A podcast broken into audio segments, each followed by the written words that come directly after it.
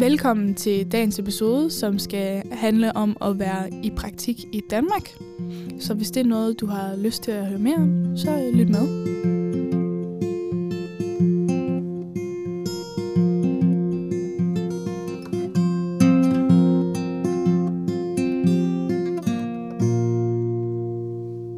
Hej, vi er jeres ergoterapier, og jeg hedder Signe. Jeg hedder Laura. Og som I nok kan høre, så mangler vi Lærke! Go, go, go! Ingen Lærke! I dag er det kun uh, mig og Laura, og det bliver pisse Det er kun praktik i DK i dag. Og mor, hun er simpelthen ikke hjemme. ja, vi har fået fat i nogle lydeffekter. øhm, Lærke er selvfølgelig ikke med i dagens episode, fordi det skal handle om uh, ja, at være i praktik i Danmark. ja. Det praktiske omkring det. Mm. Og, Hun kunne selvfølgelig godt have været med i Ja. den her episode, ja, fordi hun har jo også prøvet at være i praktik i Danmark i yes, tidligere mm, semestre. semester. Ja. Men hun er i Norge lige nu. Og Og vi gider ikke have hende med. Ej, det vil vi gerne. Vi savner hende, men Hun er er helt... smidt ud af Ej. Okay, jeg glæder mig til, at Lærke, hun skal høre det her. Men ja, vi vil gerne snakke lidt om det praktiske med at, at søge praktik her i Danmark, og vores egne erfaringer ja. med at være i praktik her. Og ja, Og jeg tænker, at vi kommer ind på til at starte med noget omkring lidt det praktiske omkring Mhm. mm-hmm. praktikken. Øh, sådan, hvordan søger man, og hvor mange, hvornår skal man i praktik, og sådan nogle forskellige ting. mm. Og derfor så gennemgår vi praktikstederne, som mig og Signe har været ude på. Ja. Af Signe og jeg, så jeg er grammatisk korrekt. og til allersidst, så, øh, så, så har I jo sendt nogle spørgsmål til os Mm. øh, på vores Instagram, og dem vil vi jo så få besvaret til Ja. allersidst episoden. Hvor spændende. Ja, så læn jer godt tilbage og, tage, og glæd jer. Ja. Jeg ved ikke, om vi skal starte ud med at sige, øh, hvor vi har været de sidste praktikker. Jo. Bare sådan for et overblik. Ja. Øhm, jeg har været på Horsens sygehus. Ja. Jeg har været på AUH Klinik 1. Mm. Jeg har været på neurologisk afdeling i Viborg sygehus. ja. På Viborg sygehus. Og så er jeg på øh, det psykiatriske på AUH. Så jeg har en masse sygehus. ja, det er Cool. der, du har erfaringer. Ja. Det er også mega fedt. Jeg føler, at universet skubber mig i den retning, fordi jeg søger en hel masse andre ting, men, men det er der, jeg kommer hen. Så øh. Ja, jeg har det jo lige omvendt af dig. ja, For, eller sådan lige den første praktik, der var jeg i Randers på noget, der hed Træningshøjskolen. Og derefter i andet semester var jeg på Hammel Neurocenter i en Mhm. Og så sidste semester, der var jeg i noget, der hedder Social Indsats og Lær, Socialpsykiatrien i Hammel. Øh, og nu er jeg så i noget, der hedder Cafébutikken øh, i Vejle. Ja. Som er sådan en beskæftigelse. mm. Så der, det er lidt mere ude i, øh, i primærsektoren måske. Mm. Ja, jeg har kun været i en sekundær. Ja, og primært det betyder jo sådan, det er sådan mere Egen kommuner, Læge. Ja, egen læge, kommunal, ja, sådan noget. og sekundært det er... Regionalt. Ja. Ja.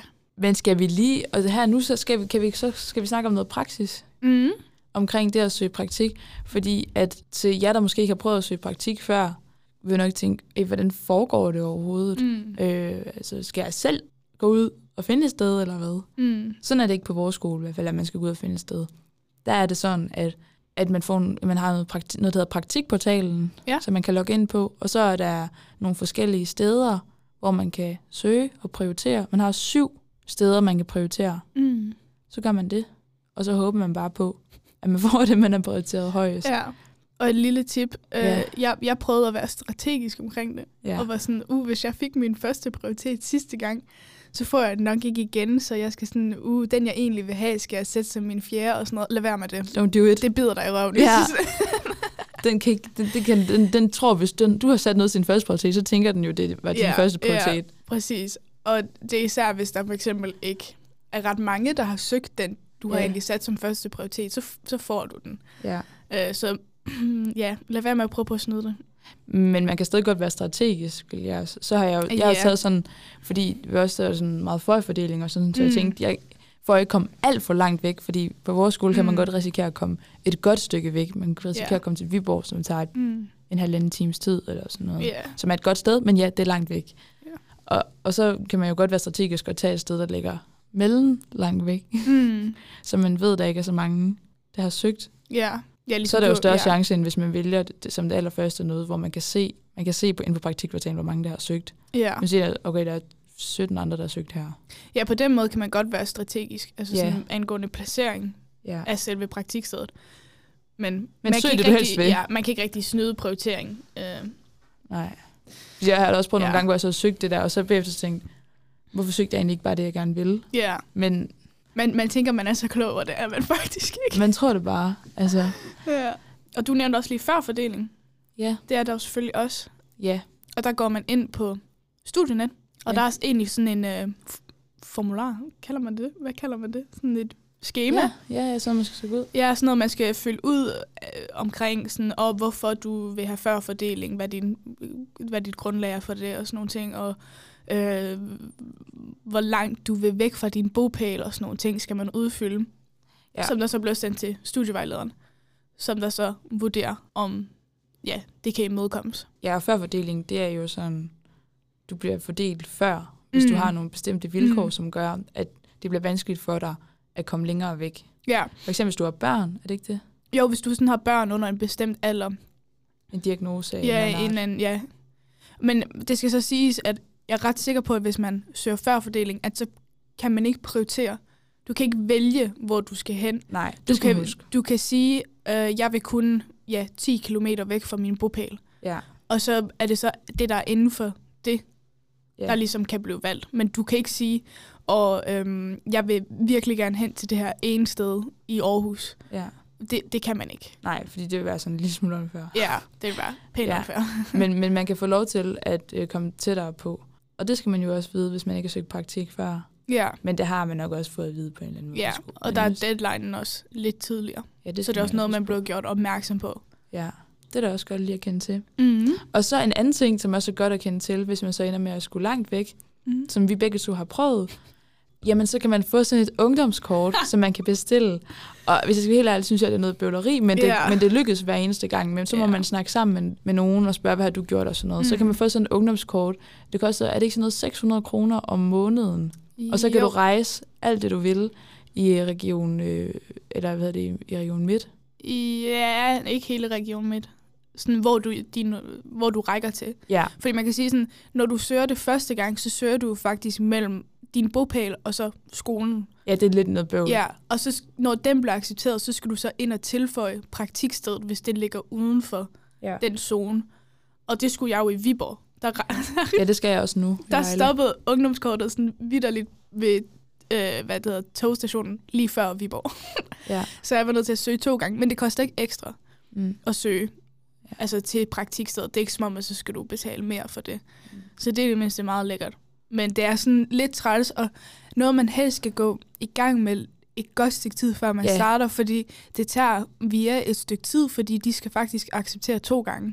Ja, det er sådan, altså, det, det tager en proces. Begyndte at være i fald 14 dage Ja. før, tror jeg. Ja. Også hvis det er ligesom mig, for eksempel, man tænker, hvad er det? Og så går det noget galt, og Mm. bla, bla, så er det godt lige at være i gang i god tid. Det er rigtigt. Det- Så kan man jo, jeg vil anbefale at have den på appen, bare fordi så kommer den jo hurtigere. Ja. Man kan godt få det som fysisk kort, men så er det noget med, at man skal vente 14 dage yderligere ja. på, at det bliver leveret, og det er der jo ikke nogen grund til. Nej, nej. Altså, kan lige så godt have det på sin mobil, hvis det er muligt. Ja, ja. Mm, så har man det med det samme. Og så være klar på, at lige pludselig så skal I tage et billede af jer selv. Ja, Når man der, og det er altid et grimt billede, fordi man står der, og så er siden i morgen, eller... ja, eller ja andet. det er rigtigt. Ja, okay, men det er i hvert fald et godt råd herfra. Få lige søgt et ungdomskort, hvis du skal længere væk. Det, mm. Altså, du Mm. sparer i hvert fald nogle monies på det. Ja. Men hvor langt væk kan man så egentlig komme, Laura? Ja, det er faktisk også et spørgsmål. Jeg tror, vi to har været de steder, der er... Vi bor i hvert fald langt væk. Lang Jeg tid- tror, Viborg er det længste væk, man kan komme ind i landet. Giver det mening? Ja. Og så tror jeg, det må være Grenå, Og der er ja, mest nordlig, vi kan Ja. komme hen. Og så må det være Horsens. Vejle Vejle. og Hedensted. Mm, Gud, ja. Det ligger mere syd. Ja, Vejle, der, ja, og og Hedensted. Hedensted er mere nordligt, men i den praktikplads, der er i Hedensted, skal du også gå... Nej, ja, nordligt end Vejle. Nå, ja, på den men måde. der skal du gå, jeg ved ikke. Ja, okay, på den måde. Ja. Men ja, det der Vejle er nok det mest syd, Mm. vi kan komme. Så der er jo sådan lidt, når der er, man søger praktik, i hvert fald har jeg fornemt på vores en lille angst for at komme langt væk. Mm. Men man skal også huske på, nu har du jo været i Viborg, og jeg er i Vejle lige nu. Mm. Og jeg vil også sige, der findes med også nogle gode steder langt væk. Ja. Så hvis man for eksempel har en familie, der er altså, det har jeg for eksempel mm. i Mm. Vejle, så kan jeg jo godt være lidt ved dem, og så går det jo op. Øh, og man kan altså også godt til frem og tilbage for, for de to steder. ja, det gjorde, altså, det gjorde jeg i 10 uger. Ja, Ja. og, og det, du lyder på det som om, at du har haft et mega fedt praktikophold, og at det er et virkelig godt sted. Mm. Så det er jo også hele tiden det der dilemma med, ja. og hvad skal man prioritere, at man kommer tæt på, eller at man får et godt sted? Mm. Og så kan man godt, når man hører det her, tænke, ja selvfølgelig, at man får et godt sted. Men når man lige står i det og skal Ja, til det, så kan man ja. godt tænke sådan. Ja. Men det må man jo så finde ud af. Det er et lille Mm. mm. dilemma, man må gøre op. Har vi nogle, anbe- nogle, nogle øh, hvad hedder det, sådan, erfaringer der omkring? Det ved jeg ikke. Altså sådan, jeg, ja, som du sagde, jeg var jo i Viborg sidste semester, Ja. som tog mig cirka to timer at komme hen til. Halvanden time, to timer. Ja. Det var virkelig hårdt at være langt væk. Mm. Men jeg synes også, det var fedt at prøve, fordi det gjorde ligesom også, at det her semester, altså det næste semester, Ja. kunne jeg ligesom prioritere, at okay, det har jeg ikke lyst til at prøve igen. ja. At det synes jeg var for langt væk. Og så du har lært, det skal du aldrig. Ja, ja, men man har måske mere lært, hvor ens grænse ligger, fordi jeg var sådan Mm. mm. lidt, det er ikke fordi, jeg vil være i Aarhus, men jeg var sådan lidt, halvanden time i tog, eller sådan en time i tog, er også lige, lige lidt for meget for mig. Ja. ja. Så jeg var sådan lidt, okay, fandt ligesom ud af med mig selv, at min grænse måske ligger ved en halv time i tog. Ja. Altså sådan, Ja. også fordi, jeg har også et godt stykke hen til togstationen. Mm. Så du ved godt, altså sådan, man, man lærer også mere om sig selv ved at tage de her praktiksteder, der er lidt langt væk.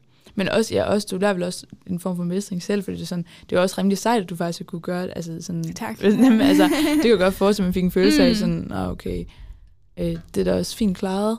Eller sådan. Ja, når man kigger tilbage, så er man sådan lidt, okay, jeg har måske brugt øh, tre gange mere energi, end dem, der lå i Aarhus. Ja, Og det kan du jo se altså nu. Sådan, det, det, når man kigger tilbage, så synes man jo, jo, det er pænt sejt, men jeg vil gerne indrømme, når man står i det, så synes man, det er pænt nederen at skulle tage en bus klokken 5.50 om morgenen. Ja, altså sådan, ja, der synes man ikke, det er så fedt. nej. Men øh, jeg nød ungdomskortet Ja, til sit fulde. Altså, den fik du brugt godt Ja. ud. altså, endte med også at tage på ture mange andre steder ja, hen. det, tænker jeg, det har jeg også tænkt på. Så kan man jo Mhm. bare til alle mulige steder hen. Ja, det skal man ikke undervurdere. Nej. Så der er lidt fordele og ulemper mm. Mm. ved det, og sådan nogle yeah. erfaringer med at komme langt væk. Men, men når du så står her øh, et år efter, og du så, så kunne jeg, det ved jeg ikke, det er et meget, meget ledende spørgsmål, men hvis man så tager alt det hårde del af det væk, så kan det jo også være, at du har været på et ret fedt sted jo. ja, ja, ja, det er jo det. Altså, altså sådan, sådan, at så har man også været igennem noget hårdt, men så når man tager tilbage, og har fået et godt udbytte af det. mm, Men hvis du altid har søgt det samme i Aarhus, ja. og kom de samme steder ja, hen. fordi altså sådan, der er jo ikke så mange muligheder i Aarhus, når man rent faktisk tænker over det. Mange af de pladser, der er i Aarhus, er jo AUH.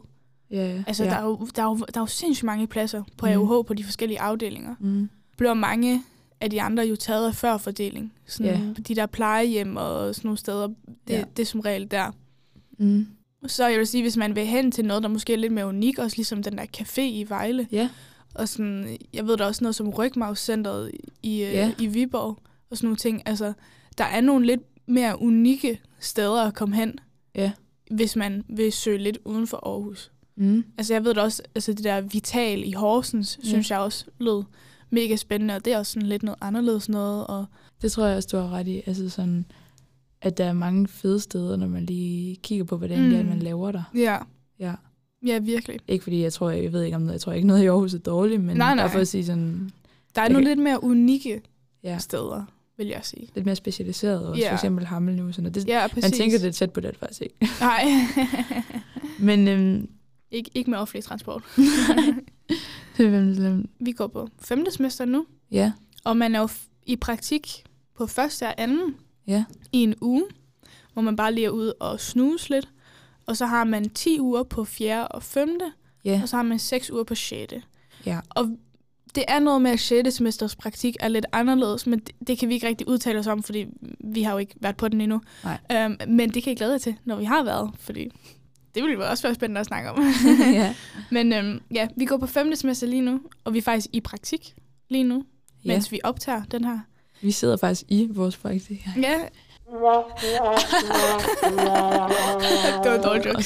Øhm, nej, men øh, vi er faktisk halvvejs igennem vores praktik, men jeg tror, når den her den bliver uploadet, så er vi, så er vi færdige. Jeg ved ikke, om vi... Jeg tænker, om vi bare går igennem semesterne sådan lidt øh, slavisk, hvor vi har været henne, og hvad vi har oplevet, og hvad for nogle roller vi havde og sådan noget. Ja, er det ikke det, vi skal gøre nu? Ja, Bare gå tænker igennem ja. vores praktikker. Mm. Vi kan jo eventuelt starte med at snakke om praktik 1 og praktik 2. Mm. Praktik på første semester og praktik på andet semester. Yes. De var jo kun en uge lange, mm. så Mhm. det man også kan kalde lidt for snuspraktikker. Ja.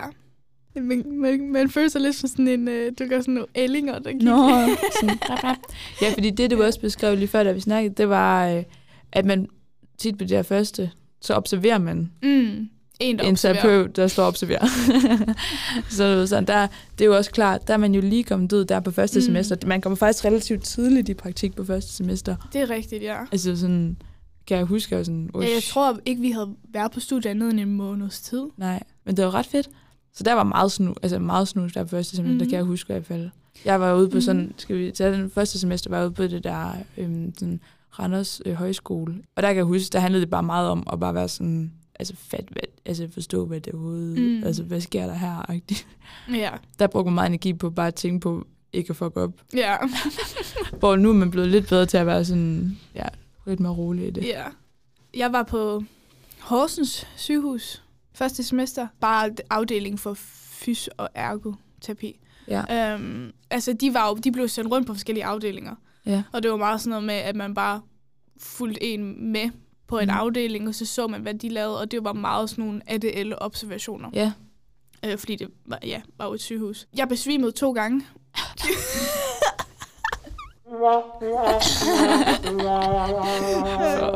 ja. Ej, ja, jeg besvimede to gange, øhm, som var lidt pinligt, vil jeg gerne indrømme. Øhm, så ja, det, jeg lærte ret hurtigt, at øh, man står op i rigtig lang tid, Ja, og det er vigtigt at vippe. så sådan en rigtig militærtræning helt. Ja. Øhm, Det er også vildt. Og-. Besvim to gange, sådan, okay. Ja, og det, og det, det var jo sådan inde ved patienter. og sådan, første gang besvimede jeg inde ved patienten, og anden gang nåede jeg ud på gangen. Det var godt. og så gled jeg bare sådan ned ad væggen. og var bare sådan langsomt sådan, kunne bare se mit syn blive sløret, og bare sådan kunne se, at jeg bare kom længere og længere ned, tættere på gulvet, ikke også? men altså, jeg kom ikke til skade eller noget. Det var ikke sådan, Nå, øh, det var ikke så- sådan, jeg var væk i lang tid. Men ja, det var lidt sjovt. Så bare lige øh, et tip herfra. Øh, Ikke besvim. ja, pas på jer selv, mand.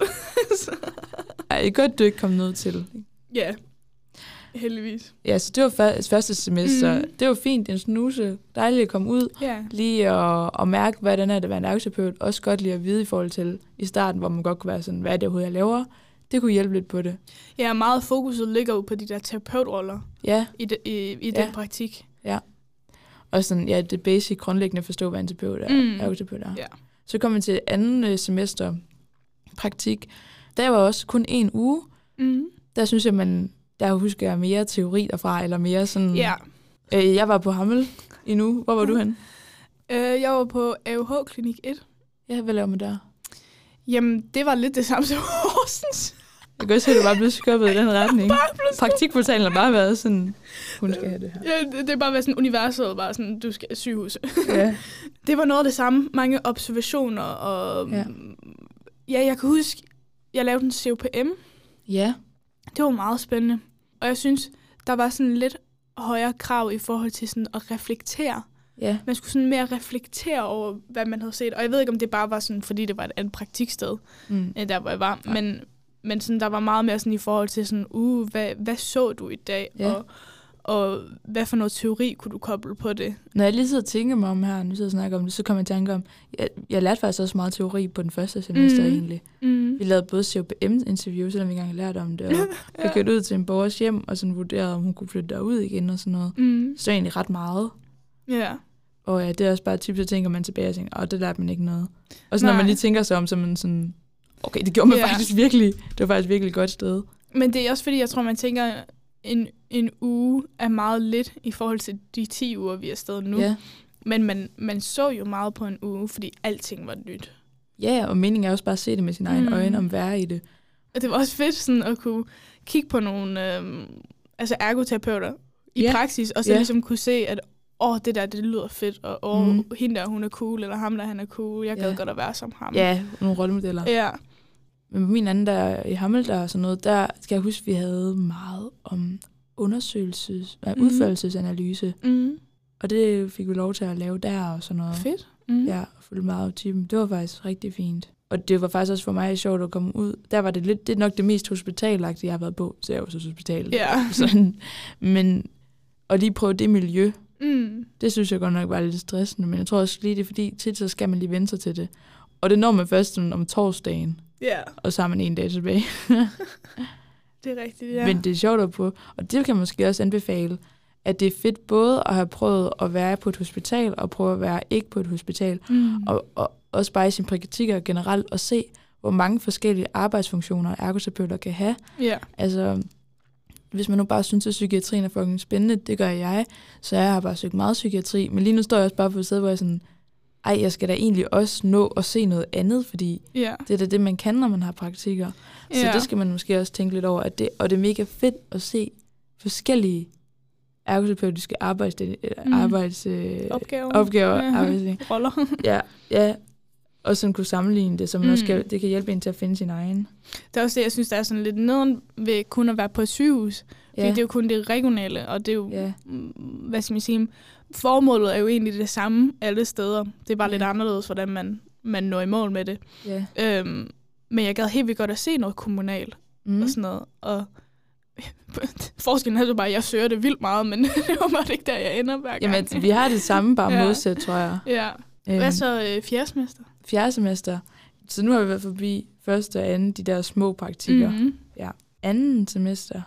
Nej, Det har vi snakket om. fuck, fjerde semester. Det var 10 uger. Det var noget andet. Det var meget hårdere. Ja, for dig.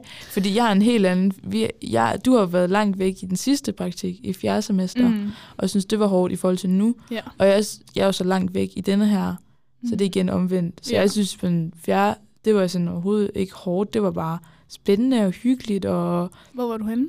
jeg var i social, øh, socialpsykiatrien i Hammel. Nå, ja. Social indsats og lær. Mm. Ja. Et vildt godt praktiksted. Det synes jeg godt nok virkelig, det var. Og vi var også to derude. Øh, to studerende var derude på samme Mhm. tid. Og det ligger sådan lidt væk, men i Hammel, ja. Men sindssygt godt sted. De var mega søde og åbne. Jeg var faktisk overrasket over det. Du ved, man frygter jo altid som studerende, man kommer der og ikke ved en skid. Man føler bare, at man er den person, der, der trækker det hele bagud. Mm. Ja. Og så tænker man lidt, at, de andre, at man føler sig lidt som, ja, En Øh, klods rundt om. en klods, den byrde bare rundt Ja, og bare ja. sådan, åh oh, fuck mand, ikke der igen. Vi gider ikke dig mere nu. Men det, de var sindssygt søde og åbne, mm. og Mm. de var, viste også tydeligt, at de også synes det var fedt at have studerende, og, og var nysgerrige, og, øhm, og det der med, det gør de også på det praktiksted, jeg er nu, at de sådan, man kan se, at de også ser mulighederne ved, at man, at man har en studerende derude. De er Mm. også sådan, hey, vi kan give hinanden noget. For eksempel i går var der en, der spurgte, nu har du lige set det her. Er det noget, du tænker, at jeg skal gøre bedre? Fordi jeg har jo gjort det her i mange år nu, mm, og det kunne ja. være ret fedt at få nogle nye øjne på. Mm. Og ja, så min hjerne går jo sort, og så bliver jeg sådan, det ved jeg virkelig ikke. Øhm, men, øh, men det er jo mega fedt, mm. at- at de sådan er åbne. Og sådan er det også tit på praktikstederne. Ja. Synes jeg i hvert fald de steder, jeg har været. Mm. Så den frygt kan man måske godt se, at man kan pakke lidt væk, hvis det er den, man, er, Mm. man øh, vil have stød af. Ja. Hvad for Da- nogle opgaver havde du der? Ja, altså det var lidt, det var socialpsykiatri, så det vil sige, det er ude i primær, ude i kommunen, øh, hvor at det drejede sig om noget, der hedder en paragraf 82b. Som Jesus. jamen altså, det var meget det, det handlede om, tror jeg, sådan, øh, i hvert fald den ene del af det. Og det går ud på, at der er en indsats, hvor at øh, alle borgere kan ringe ind til det her Mm. sociale indsats og sige, jeg har brug for hjælp. Og så kan man så yde en tre måneders indsats med den, hvor man kommer ud i eget hjem, så det kan være, at man ringer og siger, og jeg har lidt svært for tiden, kan jeg få noget hjælp? Øh, der synes du rodet hjemme ved mig, jeg kan ikke overskue det, eller Mm. jeg vil sygt gerne lære at tage bus. Super, så får de så en person inden for det her sted, som så kommer ud nogle gange i ugen, alt efter hvad der passer, eller de kommer hen til stedet og har samtaler, og så øh, arbejder man på det i sådan tre måneder. det var mega sjovt at prøve, faktisk. Mm. Og mega fedt at prøve at sidde og tage telefonen. Og, så, uh. og vi var også ude, på den anden del af det var også, at man var ude på sådan nogle væresteder øh, Mm. to gange om ugen. Jeg tror måske, det er en gang om ugen nu, øh, hvor man er ude, og så øh, sådan værested, det er sådan et sted, hvor man kan komme hen og være. hvis man kan sådan. Altså sådan, Virkelig. hvor der kommer borgere ud, og man laver mad sammen, og, og hygger og har samvær. Og det er sindssygt givende, at de sidder og spiser mad sammen og har det her fællesskab. Mm. Og der er så mange gange, hvor de sådan hjælper hinanden. Og det er bare mega meget sådan forebyggende indsats. Jeg synes, Ja. det er meget fedt. Mm. Det var sådan det, man lavede der for nogle arbejdsopgaver. Ja. Øhm, ja, I forhold til, hvad jeg lavede, så fik vi lov til at lave nogle sanseprofiler. Mm. Det var meget mega fedt at få lov til at lave. Sådan med at så skrive det ind og Ja. sådan noget. Cool. Ja, og ellers så og lavede vi målsætning også. Mm. Ja. Øh, og sikkert også noget, jeg har glemt. jeg Ja. mm. Ja. Øh, hvad med dig? Hvor var du henne på din praktik i fjerde semester? ja, i fjerde semester, der var jeg jo i Viborg. Ja. Viborg sygehus, neurologisk afdeling. Ja. Øhm, og det var vildt spændende. Mm. Øhm, jeg søgte stedet, fordi at jeg vildt godt ville prøve neurologi. Jeg synes, det havde været Mm. vildt spændende, da vi havde om det på studiet. Og der var, der var to steder. Der var Viborg, og så var der på AUH. Og ja, så søgte jeg den, kom ind. Øh, eller fik pladsen, kom ind, fik pladsen. Mm. og det var virkelig, virkelig fedt at være Mm. der. Mm. Der er rigtig mange ergoterapeuter ansat på mm. afdelingen. Så der er egentlig to slags praktikpladser i, på Viborg sygehus. Der er akutafdeling, og så er der neurologisk afdeling. Ja.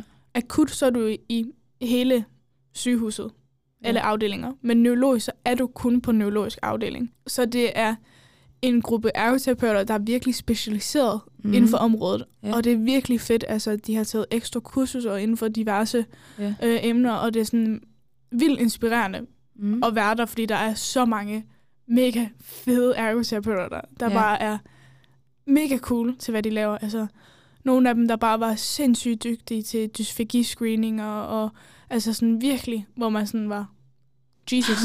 og der var et virkelig godt arbejdsmiljø der. Mm. Øhm, Og det er altså noget. ja, og sådan, især iblandt ergoterapeuterne og fysioterapeuterne. Mm. Øhm, der var et virkelig godt samarbejde der. Virkelig tydeligt tværprofessionelt arbejde. Ja. Og der var et virkelig godt relation til os sygeplejersker og læger og sådan noget. Der var ikke Mm. sådan noget hierarki på den måde. Det var sådan, alle blev bare respekteret, og alle havde ligesom øh, noget at sige. Mm.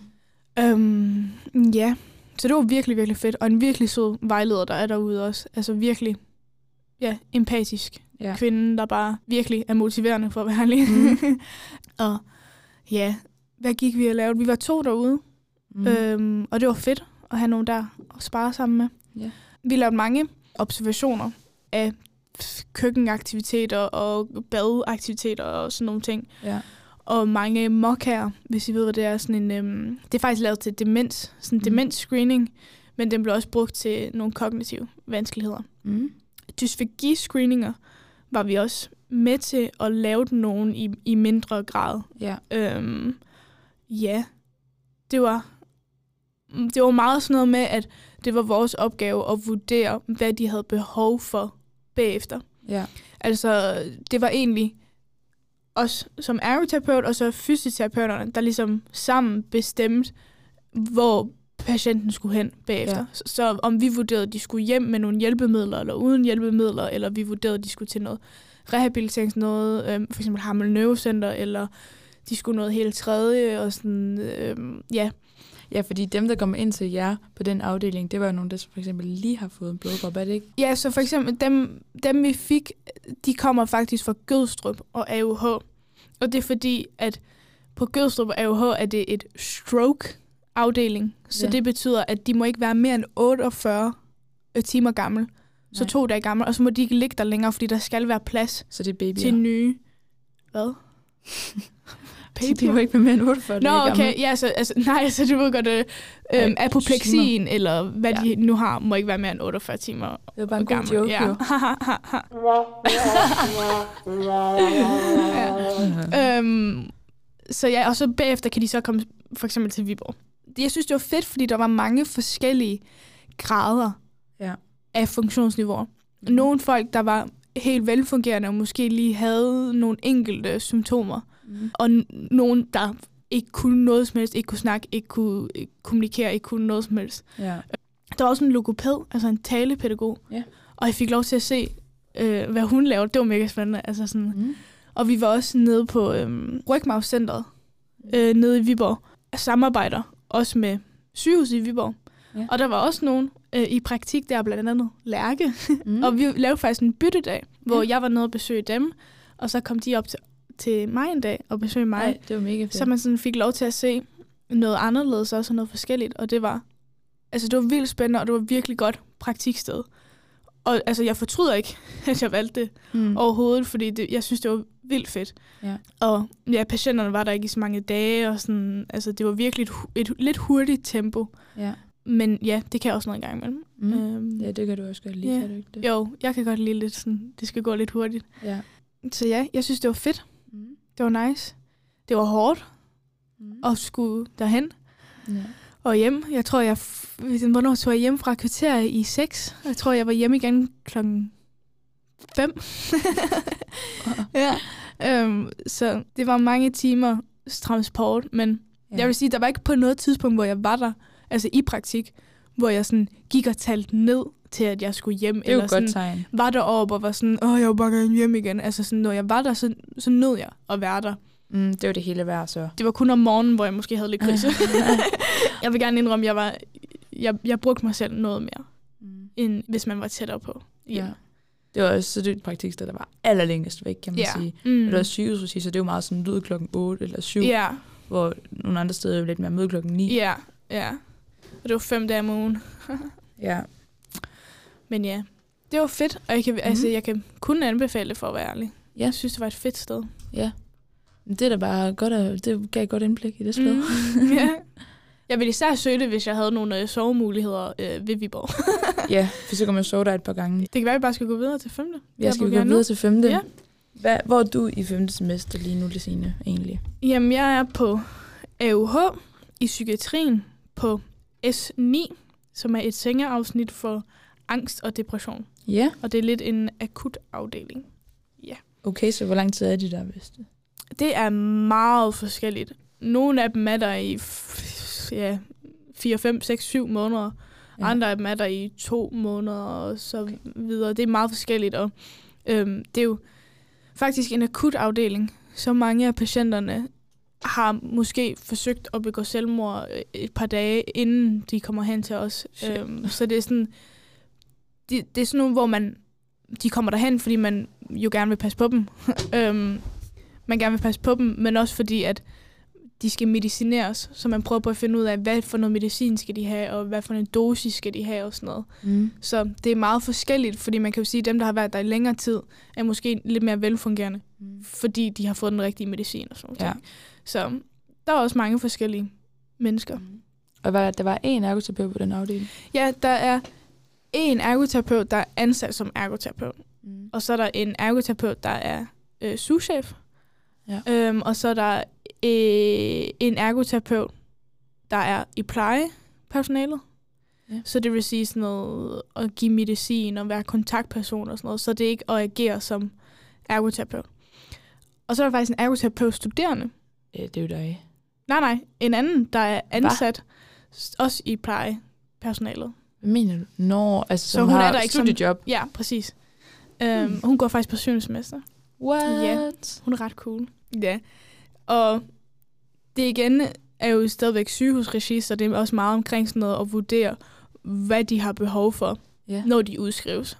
Øhm, og også noget med at overveje, hvor de skal udskrives hen. Ja. Om de skal hjem, om de skal på en institution, om de har behov for bostøtte og sådan, altså sådan nogle ting. Så ja, det er mange observationer og undersøgelser, og ja, noget langsommere tempo end sidste semester. ja, det må det jo så være. Ja. Men alligevel, nu har vi jo snakket om dit praktiksted her, også inden vi optog mm. Mm. en podcast. Og det lød som om, at du egentlig havde nået ret mange ting. Altså når du forklarer det, så er Ja, ja, du har ja. lavet mange, mange ting. ja, jeg Så der føler, går muligheder for der, eller hvad? ja, altså, jeg føler virkelig, altså hvis man for eksempel gerne vil arbejde med autippen, Ja. altså sådan, det er virkelig et sted, hvor hvis man er heldig, altså jeg, det er også selvfølgelig fordi det er akut, så det er svært at sige, hvad for nogle patienter der er der. Ja. Og jeg har været ret heldig med den patient, jeg egentlig er koblet på. Mm. Øhm, at hun passer ret godt ind i utippen. Ja.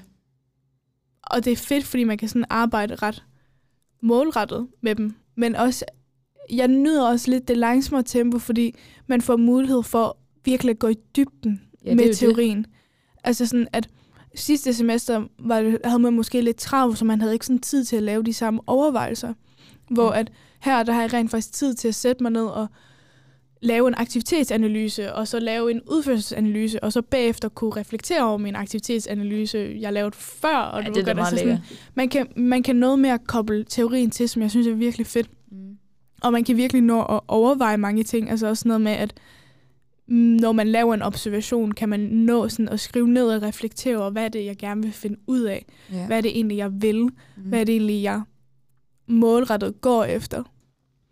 Men ja, altså vi er jo faktisk fem, der er ude på HUH. Men ja. vi er på hver vores afdeling. Ja. Og så har vi sådan undervisning hver onsdag Mm. fra sådan 12 til 15, Ja. hvor vi så mødes med hinanden og sådan hører lidt, hvad hinanden går og laver, og sådan hjælper hinanden, hvis der er noget, man sådan, måske sidder med en overvejelse omkring et eller andet. Ja. Og man får også lidt mere undervisning omkring sådan, de specifikke ting inden for øh, psykiatrien. Sådan mm. lov og tvang og, og sådan noget safe words og deeskalering og sådan nogle ting. Og det er ret spændende.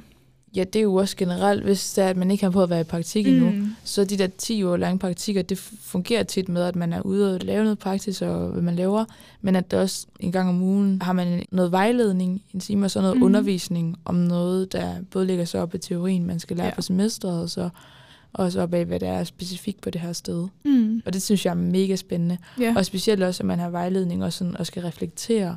Mm. Altså det der med at sætte sammen det, man har lært i praktikken, hvor der man godt kan nogle gange gå rundt og sige, jeg har bare lige gjort det og sådan Ja. noget. Og så sidde til en refleksion og sætte ord på det. Ja.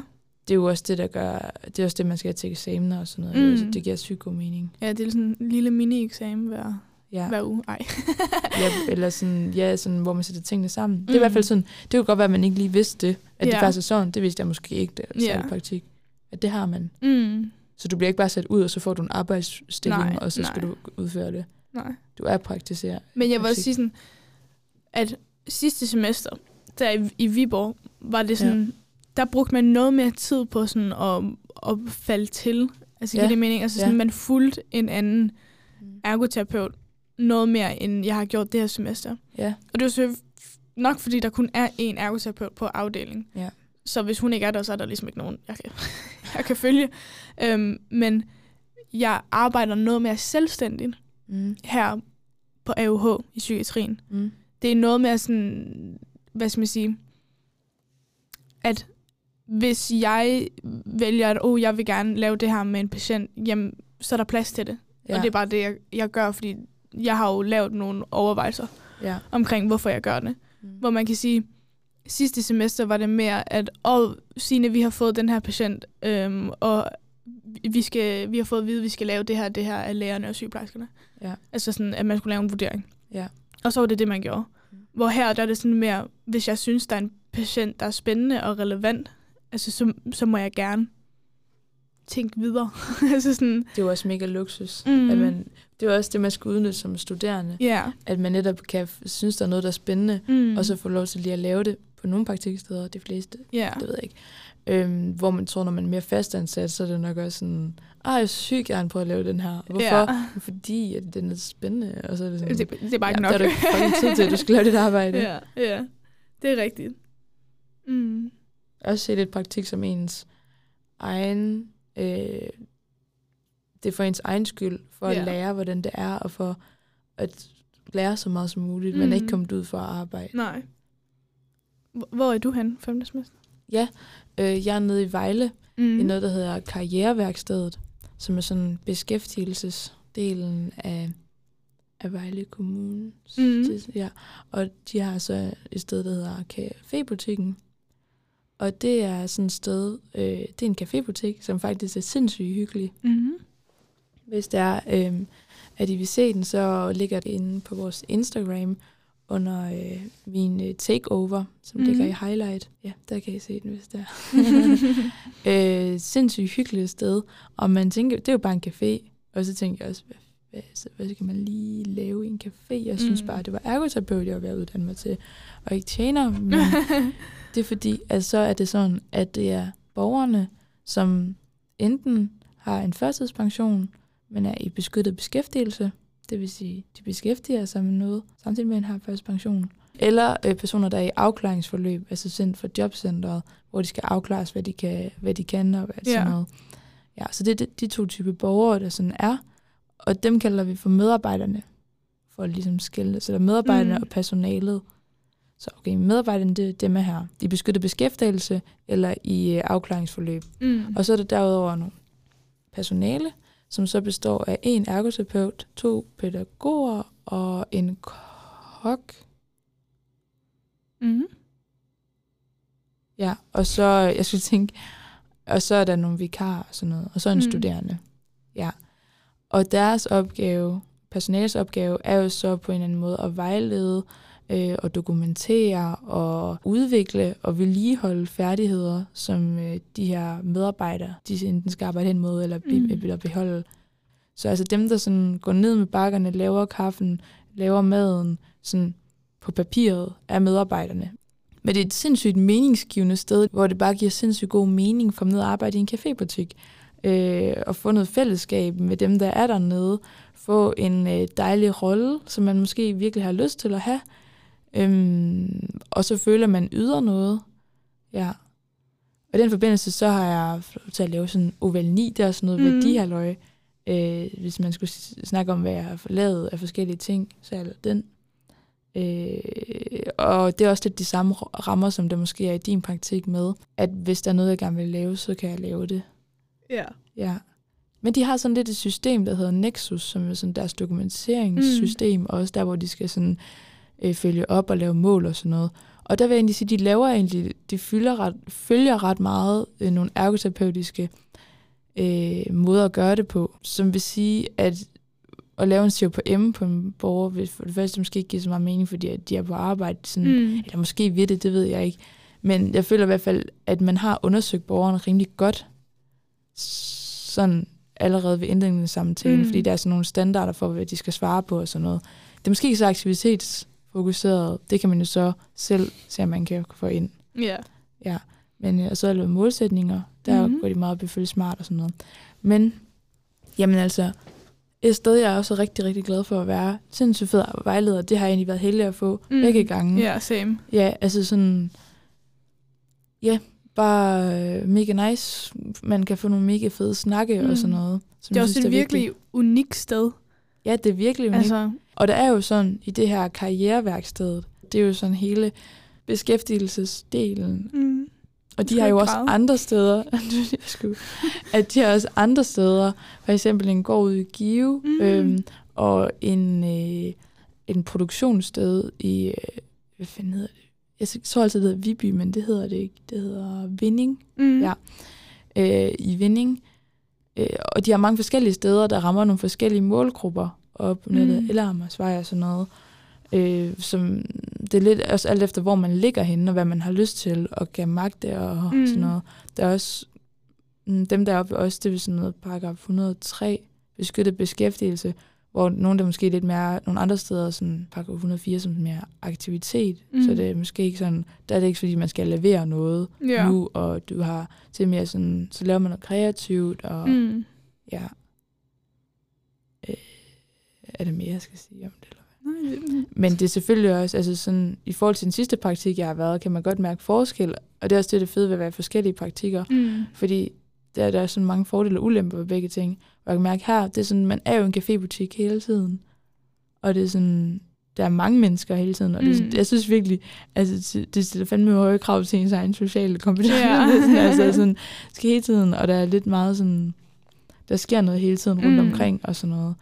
Øh, men det tror jeg også bare, man vender sig til. Jeg kan også se, Ja. at nogle af personalet, der de er også gode til at sætte sig ind på det der lille kontor, som egentlig bare er sådan en lille gang, men, øh, og så lige lukke døren, og så få skrevet deres notater og sådan noget. Mm. Det skal man nok være god til. Ja, det er også sådan, jeg havde jo stadigvæk kun prøvet sådan meget det somatiske ja. i forhold til sådan praktik, og vil ville gerne prøve psykiatrien. Ja.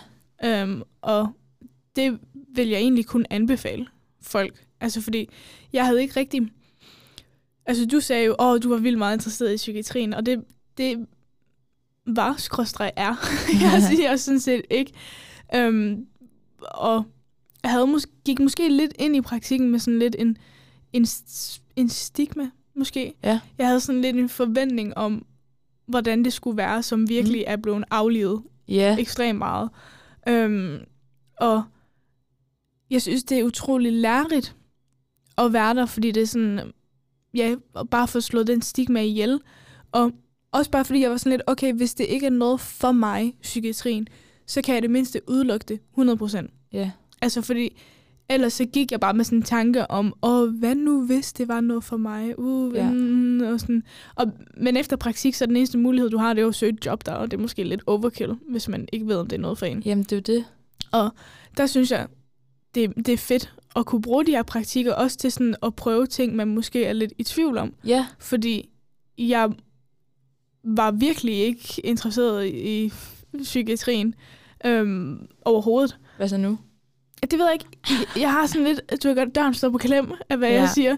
Fordi jeg er sådan lidt, ja, ja, døren er ikke helt lukket til mm. den Mhm. endnu, men jeg er også sådan lidt, mm, Den er heller ikke fløjet op. nej, præcis. Okay. Altså sådan, og, men jeg tror også, det er fordi, min vejleder har et rigtig, en rigtig god pointe i at sige sådan, at åh, hun, vil, hun vil ønske, at alle skulle i psykiatrien, fordi at bare fordi du ikke er i psykiatrien, betyder ikke, at du ikke møder psykiatriske Ah, ja, det er Borger. rigtigt. Jeg er også omvendt, faktisk. Ja, altså sådan, du, du kan altid risikere at møde en, en person på et plejehjem eller på et sygehus i den somatiske afdeling med en depression, med angst, med alle de her ting. Og ja. så kan man jo sige, så kan du trække på den erfaring, du har fra din praktik, Mm. altså omkring psykiatriske patienter. Ja, det Og- er jo sådan basic viden. Ja, præcis. Der var jeg nu, der er det også både øh, for psykiatri og også handicap. Mm. Øh, og der er faktisk også nogle, der er nogle neu- neurologiske mm. borgere, jeg ved ikke, hvad man skal sige. Ja. Så det er sådan en god blanding af, ja så der af skal man altså bruge det hele. diagnoser. Ja. Mm. Ja. Så selv hvis Fedt. man kommer til at arbejde der, og som også jeg ved, min vejleder også har arbejdet mere med somatisk før, Mm. mm. det kan hun virkelig bruge, ja. øh, også tit der, fordi så er det sådan, øh, åh, nu er det noget med det her at gøre, så skal vi lige spørge hende mm. Mm. om det. Ej, hvor fedt. Ja. Ja.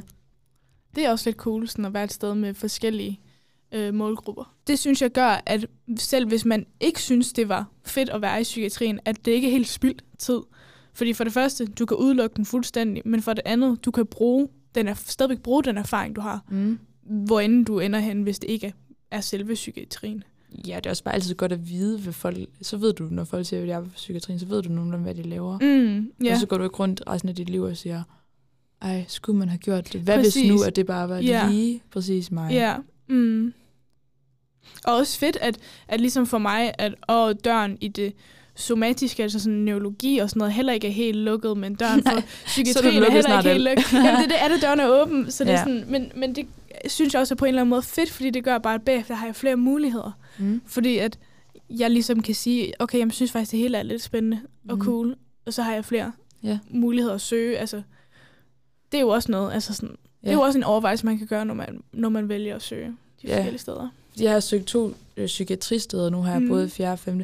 Og jeg har lidt en følelse, altså jeg sådan, elsker at være begge steder, synes det er Ja. spændende. Men jeg har lidt måske den der, ej, jeg gad virkelig godt bare prøve noget sygehus, bare lige Ja. sådan, det kan jo være, og sådan noget. Jeg er sådan en, hvad nu hvis? ja, hvad nu hvis? Og også sådan, jeg ved ikke, altså sådan, ikke bare sådan, frygt hvad nu hvis, men sådan, ærligt, det kan faktisk godt være, jeg synes, det er fedt. ja. Øhm, men Jamen- øh, så må man jo se, at man gør et eller andet. ja, ja, så kan man jo sige, hvis man ikke når det, så kan man jo få et vikariat eller et eller andet Ja, ja. ind, inden for et område, hvis man gerne vil undersøge det.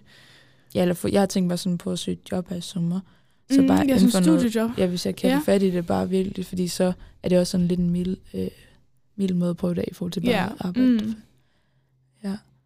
Det er Øhm, så det er der, hvor vi har været i praktik nu Mhm. her. Ja. Ja. Og det synes jeg, hvordan går det i din praktik lige nu? Jeg synes, det går meget fint. Ja. Jeg har fået at vide, at øh, jeg er på det rette spor. Det er altid dejligt at være. så det, øh, Ja. hvad med dig? Det var godt nok en kort øh, forklaring. jeg ved ikke, om det lander. Ej, ja, det synes jeg også går rigtig godt. Man er jo for evigt i tvivl, men øh, sådan er det jo bare. For hvad? For evigt i tvivl Nå, om, hvad man ja, gør og sådan ja. noget. Ja. Øhm, men det er faktisk rigtig spændende. Mm, Man lærer godt nok meget nyt. Ja. det er rigtigt. Mm. Skal vi gå videre til spørgsmål? Øhm, ja, og som Laura nævnte, første episode, så har vi jo også nogle spørgsmål, der kommer ind fra Instagram. Ja. Og vi kan kun anbefale, at øhm, I alle følger med derinde, fordi der kan man have en hel masse indflydelse. I kan jo bare skrive til os med idéer og, Mm. og ting, og nysgerrige spørgsmål og sådan nogle forskellige Ja. ting. Vi er gode til at svare. ja, ja. Øhm, nogle gange. Nogle gange. Ej, det er vi, det er vi bare Ja. ja. roligt. Nogle gange. Er vi, eller er vi? Ikke. Okay, det synes jeg, vi er. ja, det, jeg, ved det ikke. Fuck det. Øhm, det første spørgsmål, som der er nogen, der har sendt ind, spurgt os om, det er, hvordan håndterer man det, hvis man får et praktiksted, hvor man... Ja. Øh, hvad? Vent, undskyld. Start med med. Men, men- øhm, det, det første spørgsmål, vi har fået øh, sendt ind, det er, hvordan her... Sorry. Det første... Mm. Det første spørgsmål, vi har fået sendt ind, det er, hvordan håndterer man det, hvis man får en praktikplads, man egentlig ikke har ønsket? Åh, hvor er det sjovt, Jeg elsker bare det, ikke? Ej, Ja. jamen det, er- det, er- det er jo ikke så fedt. Nej, Nej. og det, det kan man godt risikere. Ja, ja. Altså, Men jeg vil sige... der er jo nogen, der skal nogle steder hen. Ja. Altså, men jeg tænker... Der er nogen, der har byttet ind. Det, det er der nogle folk, der har gjort, ved Ja. jeg. Øhm, men det skal gøres hurtigt.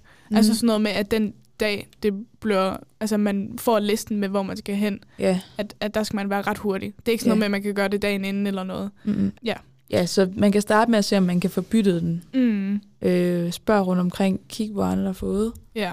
Hvis vi så står i situationen, hvor der er ikke nogen, der vil bytte, Så er det Jamen, bare ærgerligt. så må man jo begynde at vende sig til tanken. ja. Og så, så må man jo se, om man på en eller anden måde kan komme så godt igennem det som overhovedet muligt. ja. Og der tænker jeg, at det er noget med at bevare en positiv indstilling, og, Mm. øhm, og se det gode i det.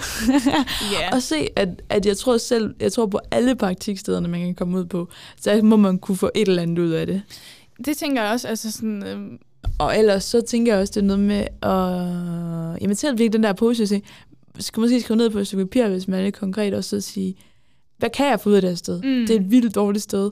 Øh, måske har man hørt, det bare stinker og sådan noget, det er så langt, det kommer der ud et eller andet. mm. Jamen, det er jo også en oplevelse. Nogle, det er jo også en oplevelse. Det er og så en kan man sige, historie. så får man lukket den der. Ja, ja, det er rigtigt. Så er den der helt lukket. Ja. Ja. Altså det går også an på, hvor meget ønsker man det ikke. Altså er det sådan, Ja. jeg stopper, hvis der jeg får det her sted. Ja. Fordi så kan man Men- tage en snak med studievejlederen. Ja, det tænker jeg også. Og jeg tror også, det er meget an på, hvad det er, man, der gør, at man ikke har ønsket den. Ja. Fordi man kan sige, åh, hvis det er, hvad skal man sige, placeringen af Ja. den, at den er langt væk, mm. så er det måske, som jeg gjorde, bare tage det sammen. og det lyder vildt nederen, Ja. men, men det er det, man skal. Altså, det er bare at ja, bide tænderne sammen, og så, Og græde lidt en gang imellem. ja, præcis, og snakke med nogen omkring det, og sådan, hvis I er flere derude, så vise uh, empati for hinanden. um, Køb en ekstra lille kage en gang imellem. Ja, præcis. Um, og, og det er jo bare ærgerligt, kan man sige, og det er super nederen, og det kan jeg virkelig godt forstå, hvis det er sådan, fordi det er langt væk. Og det kan jeg virkelig godt følge folk i, at det er bare mega nederen, hvis man ved, at man skal til at bruge 10 gange mere energi, Ja. bare fordi man skal en time længere væk end de andre. ja. Men ja, desværre sådan er det. Og så kan man sige, så kan man måske håbe på, at selve praktikstedet er fedt, ja. og at det ligesom kan trække en lidt mere. Mm. Øhm, men hvis man måske ikke kan lide, mm, hvor man er endt hen, altså, for, altså sådan, Selve stedet. ja, og det, hvis det sådan måske er, at øhm, man er virkelig interesseret i psykiatrien, og man ikke er endt i psykiatrien, og man er Så måske... endt i, på et plejehjem, og man synes bare, åh, det er bare mega nederen, fordi altså sådan, åh, det, jeg vil bare mega gerne prøve psykiatrien. Ja. Så måske tænke på det, vi sagde før, altså sådan, at åh, på, der møder man mange forskellige diagnoser, Ja. og man kan jo godt møde nogle psykiatriske diagnoser Ja. derude, eller Og så bare andre. søg dem. Præcis, altså sådan være lidt målrettet. Tag styring over det selv måske. Ja, Selvom det er meget nemmere sagt end gjort, men ja, prøv på ja, det i det mindste. ja, og så synes jeg, som du sagde, bare prøv at finde det positive ved det. ja. Øhm, fordi man kan sige, heldigvis er det kun 10 uger. Ja. Og jeg synes, de her 10 uger går meget hurtigere, end man forventer. Mm. Øhm, så det er måske også noget, man kan have fokus på Ja. af det sidste ende. Altså, jeg har lavet en countdown-liste på mit køleskab hver gang. Krydser af, hvor mange uger der er tilbage, og hvor mange dage der er tilbage. Altså sådan, Ja, øhm, og det virkede for dig. ikke? det er motiverende for mig. Fordi Vær sin kan- egen ergoterapeut. ja. Aktivitetsbalance. ja, ja, den er helt Ja. fucked. ja, virkelig. Men ja, Okay, så håber vi, at øh, der er der er spurgt, og jeg der er interesseret i øh, svaret på det spørgsmål, fik et fint svar på det. ja. Øh, så til det næste spørgsmål. Øh, har en af jer været inden for cancerområdet? Synes selv, det er svært at komme ind. mm, ja, man kan sige, man kan jo ikke rigtig søge cancerområdet direkte. Nej. Øhm, man kan måske være heldig, at hvis man ender på noget sygehus, altså sådan en generel afdeling for ergoterapi, hvor man sådan bliver sendt ud på nogle forskellige afdelinger, Ja. at man ligesom møder nogle kræftpatienter der. Ja. På neurologisk afsnit, som jeg var på sidste semester, der havde vi nogen med tumor, Mm. altså hjernetumor. Ja. Øhm, om de var, men de var som regel godartet. Mm. Øhm, og selvfølgelig ikke, hvad skal man sige, kraft. Altså sådan på den måde. Øhm, men stadigvæk mange af de der samme symptomer med, den trykker på dele af hjernen, ja. som gør, at de har nogle kognitive vanskeligheder og sådan noget.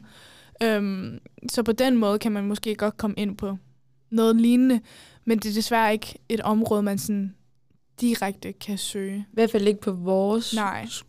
uddannelsessted Nej. her på, i Aarhus. Ja, man kan jo sige, an på hvor du læser hen, har de jo nogle forskellige aftaler med forskellige, Ja, forskellige steder, og der kan man jo godt være heldig. Men man kan jo prøve at spørge sine... Altså for os, der har vi jo en underviser, eller hvad, som står for øh, koordineringen Mm. af praktiksteder. Der kunne man jo godt lige sende en lille mail Ja, til, mm. til den person og spørge, har, er der et sted, hvor det handler om cancer? Ja, eller et sted, hvor man måske kan komme så tæt som muligt på det. Ja. Altså sådan, det kan man jo også godt være, Mm. være søgende omkring. Mm. Ja, for det er da et spændende emne. ja. Og så er det næste spørgsmål. Er det mulighed for deltidspraktik i stedet i Danmark? Øh, der kan jeg se, at vi har skrevet undersvaret spørgsmål. Ja. Det ved jeg ikke. Det, det må vi være ærlige at sige, at det, det ved vi ikke. altså, øhm, Abbas, altså jeg skal være helt ærlig, vi har ikke lige stødt på det endnu på noget tidspunkt, mm. men bedste råd er måske bare at spørge din studievejleder, om man kan Ja. det. Nå, det næste spørgsmål. Gerne en podcast med gode fif og råd til et uddannelsespraktik i Norge. Ja! Yeah! Og Der Ja. kan vi jo helt perfekt øh, henvise til en episode fra tidligere. Fordi hvis du er interesseret i det, så har vi faktisk en hel episode dedikeret til det. en episode, der udkom her i december, mm. Som hedder Uddannelsespraktik i Norge, yeah. hvor Lærke hun fortæller om hendes praktik. Og den kan vi kun anbefale. Den er rigtig god. Skide god. Skide god. Så, så værsgo. Den lytter du bare til. det var vores svar. Og så kommer det næste spørgsmål her. Øh, hvad er jeres bedste råd til at få mest muligt ud af praktikken? mm. Ja, sygt godt spørgsmål. Ja. Jeg har begge praktikker haft sådan en, en lille bog. sådan en lille notesbog, Mm. mm. hvor jeg sådan har skrevet ting ned i. Sidste semester var det meget sådan noget med, at man blev sendt ind, og så skulle man lave sådan, åh, du skal lige undersøge, øh, om der er nedsat styrke. Og så Ja. sådan, hvordan gør jeg det? Og så er det lige med at skrive ned, hvordan man gør det, og sådan noget sanseberøring og sådan noget. Hvis man så fik at vide to uger senere, at øhm, du skal lige lave det her, så kunne man lige referere tilbage i sin bog og være sådan, okay, det var sådan, man gjorde det. Så man ligesom kan, hvis man bliver bedt om at gøre det igen, ikke skal spørge igen Ja. hvordan man gør det. Men også noget som at reflektere over de forskellige ting. Så for eksempel det her semester har jeg haft, haft mere tid til sådan at reflektere over ting. Ja. Så jeg har også for eksempel kunne, øh, når jeg lavede en udførselsanalyse, kunne bagefter sætte mig ned med min lille bog og så skrive, jamen okay, det her det gik godt, det her det gik dårligt, næste gang skal jeg være mere opmærksom på de her punkter. Ja. Øhm, så man ligesom bruger det som en, en bog med sådan tips og tricks og refleksioner, Mm. som man ligesom også kan henvende tilbage til øhm, altså senere på semesteret til eksamen. Jeg har også brugt den for sidste semester, den, det her semester, ja. altså sådan, hvor jeg sådan har, har trukket på nogle forskellige ting, og det er virkelig fedt, fordi du kan ikke huske det hele. Nej. Ja. Og så er det fedt at have noget konkret, man sådan kan åbne og så se, okay, jeg gjorde det her, det her, det her. Ja. Ja. Mange af de ting, jeg skriver det er også sådan fagtermer, der er specifikke til den her afdeling. Ja. Sådan, det var der jo især på neurologisk afdeling, sådan mange øhm, latinske ord, hvor man var sådan, øh, man sådan hver gang skulle bruge 10 minutter på at google sig frem til, hvad det egentlig var. ja. Og så var det jo fedt, at man kunne bruge den der bog mere som en ordbog også, og man lige kunne skrive, det her ord betyder egentlig bare det her. ja. Øhm, og det er jo også fedt på den måde, man sådan kan blive lidt mere hvad skal man sige, teknisk Mm. omkring, hvad man går og laver. Fordi man også selv kan bruge de der fancy latinske ord lige Mhm. pludselig, fordi de er jo skrevet ned i min bog. Står en lille bog. ja. Og det er måske Ja. også virkelig at finde en rytme med, hvornår skal man gøre det, hvis man ikke er et sted, hvor du er, mm. hvor der er tid til øh, at sætte sig ned. Øh, så måske, det tror jeg er noget, jeg selv har gjort fra starten af her, men som mm. jeg så Mm. først begyndt at gøre nu, men så alligevel har langt offentlig transport. Jamen Ja. bare lige sætte fem minutter af. Det er Ja. fordi, man tænker, man også skal man sidde og skrive langt. Nej, bare sætte fem minutter af til bare Mm. lige at skrive hovedtingene fra i dag, eller Ja. hvis der var noget, ja, man lige skulle have gjort anderledes. Mm. Øhm, Ja, det er rigtigt. Jeg synes også, altså sådan, første, eller ikke første semester, fjerde semester, men første gang, vi var på en længere Uh. praktik, det var noget af en sætning, der, øhm, jeg kan huske, jeg var sådan, jeg var meget nervøs omkring det, fordi at jeg ikke havde stået i den rolle som ergoterapeut nogensinde ja. før, og jeg havde aldrig rigtig stået i en rolle af autoritet. nej, Altså sådan, at jeg var den bedre vidne, og jeg var ligesom den, der skulle komme med svarene. ja. Øhm, sådan en rolle havde, havde jeg aldrig stået i før, og jeg kunne huske, jeg var så skide bange for, at jeg ikke kunne finde ud af det. Fordi Mhm. jeg var sådan, nu er jeg på fjerde semester, nu det er alt for sent at droppe ud, hvis det går op for mig, at jeg ikke kan finde ud af det her. øhm, og jeg kan huske, jeg havde lidt altså sådan svært ved at tro på mig selv, at jeg kunne det. ja. Og jeg fortryder så meget, at jeg, jeg brugte så meget energi og tid på at tænke over det. Fordi du kan godt. Ja, Altså sådan i sidste ende, så kan du godt, om det gælder bare om at tro på sig selv. ja. Altså sådan, at man kan godt føle, at åh, jeg, kan, jeg, kan ikke, jeg kan ikke finde ud af det, og åh, det der, det var, en, det var en dum interaktion med en patient, eller en borger, eller hvad, hvad end det er. Men det er jo også læring. Ja, det var det, der var meningen. Ja, Eller præcis. Ja, ja altså sådan, det, er jo ikke, det er også læring, det er også noget, du kan tage med dig, og, og bare det der med at gå ind til en patient eller borger og tro på, at, at du kan godt. Mm. Altså fordi, du kan bikse det hele op i dit hoved, ikke også? og bare øh, tro, at du ikke kan en skid. Men når du reelt står derinde, så kan du faktisk meget mere, end Ja. du regner med. Så det er også noget med lidt tilpas, hvor man godt nogle gange kan tænke, ah, jeg er mega lort, så jeg er Mm. helt hernede. Ja. Jeg kan ikke noget, jeg er bare en studerende. Men jeg burde være helt heroppe, hvor jeg Ja. bare kan præstere meget. Og så måske affinde sig med, at du er nok et sted midt imellem. Mm. Du kan nogle ting, men nej, selvfølgelig er du ikke perfekt. ja. Det er det, du skal Ja. arbejde på.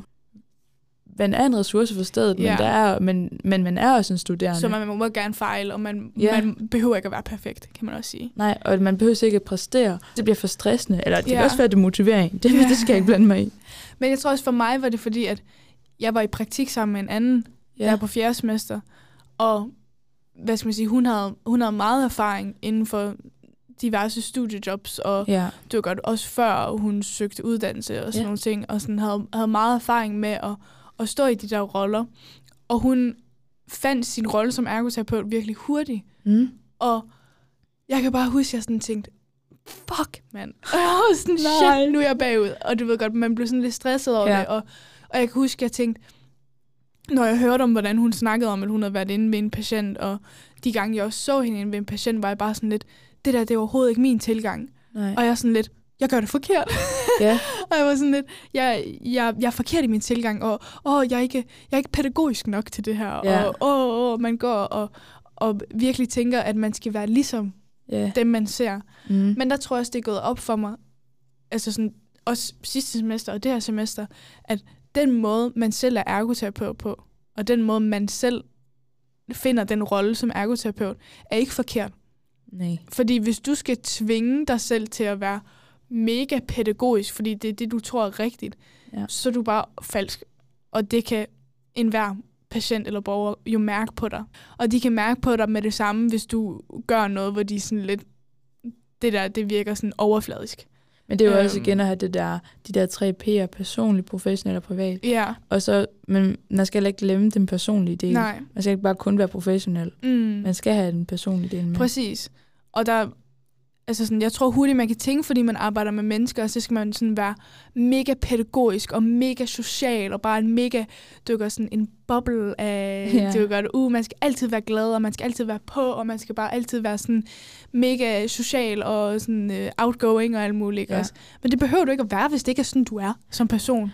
Og det kender man da også selv fra nogle steder. Det er da fedt at have en øh, personale dynamik. Mm. hvor der er lidt af hvert. Ja, præcis. Sådan, så, er det for, så er det lidt for, for snæver øh, ideal, man Mm. mm. sætter, og så bliver det lidt mærkeligt. Ja, men også fordi sådan, jeg tænker også sådan, ja, der er nogle borgere og patienter, mås- der måske nyder at have sådan en person, der har vildt meget energi og er Ja. vildt meget klar og bare på.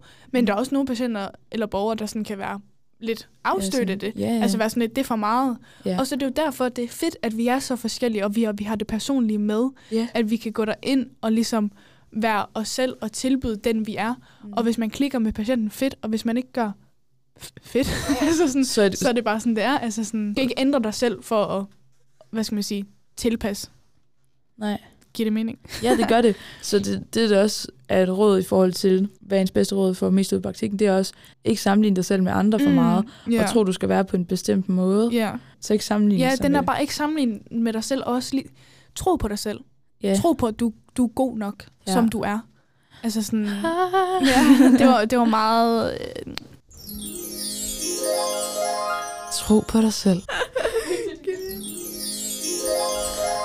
Ikke sammenligne dig selv med andre. Du er god nok, som du er. lave en lille notesbog.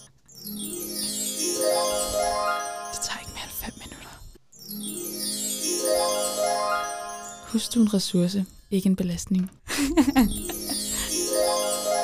Du er perfekt, som du er. Du dufter godt. Jeg kan godt lide dine tænder. Må jeg få dit mors nummer? Hvor går det dumt. Det er så dumt, mand. Okay. Ja. Hvad var din mors nummer? øh, nej, det må du ikke. Jo. ja, men, men det tror jeg lidt var vores gode råd her. Mm. Mm. Vi håber, I kan bruge den. Ikke Ja. ja. kun i forhold til det her med, hvad jeres bedste råd er til at få mest muligt af praktikken, men også generelt for episoden, for den er slut nu. Mm. Så Ja. Jeg håber, det kan give lidt et indblik i, hvordan det er at være på, i praktik på ergoterapeutuddannelsen.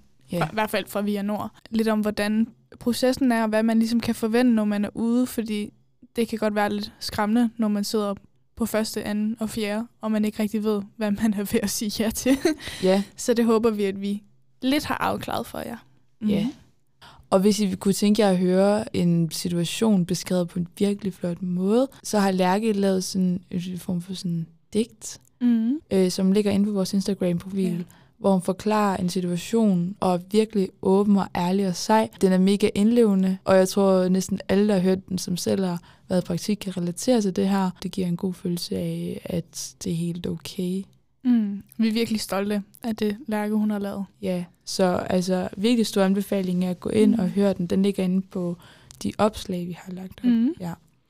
Og selvfølgelig så er I altid mere end velkommen til at følge os på Instagram, ja. og skrive til os derinde, hvis der er noget, og skrive i vores brevkasse, som bliver lagt op hver eneste mandag, Ja. hvor I kan komme med ønsker til episoder, eller bare generelle spørgsmål, eller noget, I gerne vil have, vi skal snakke om.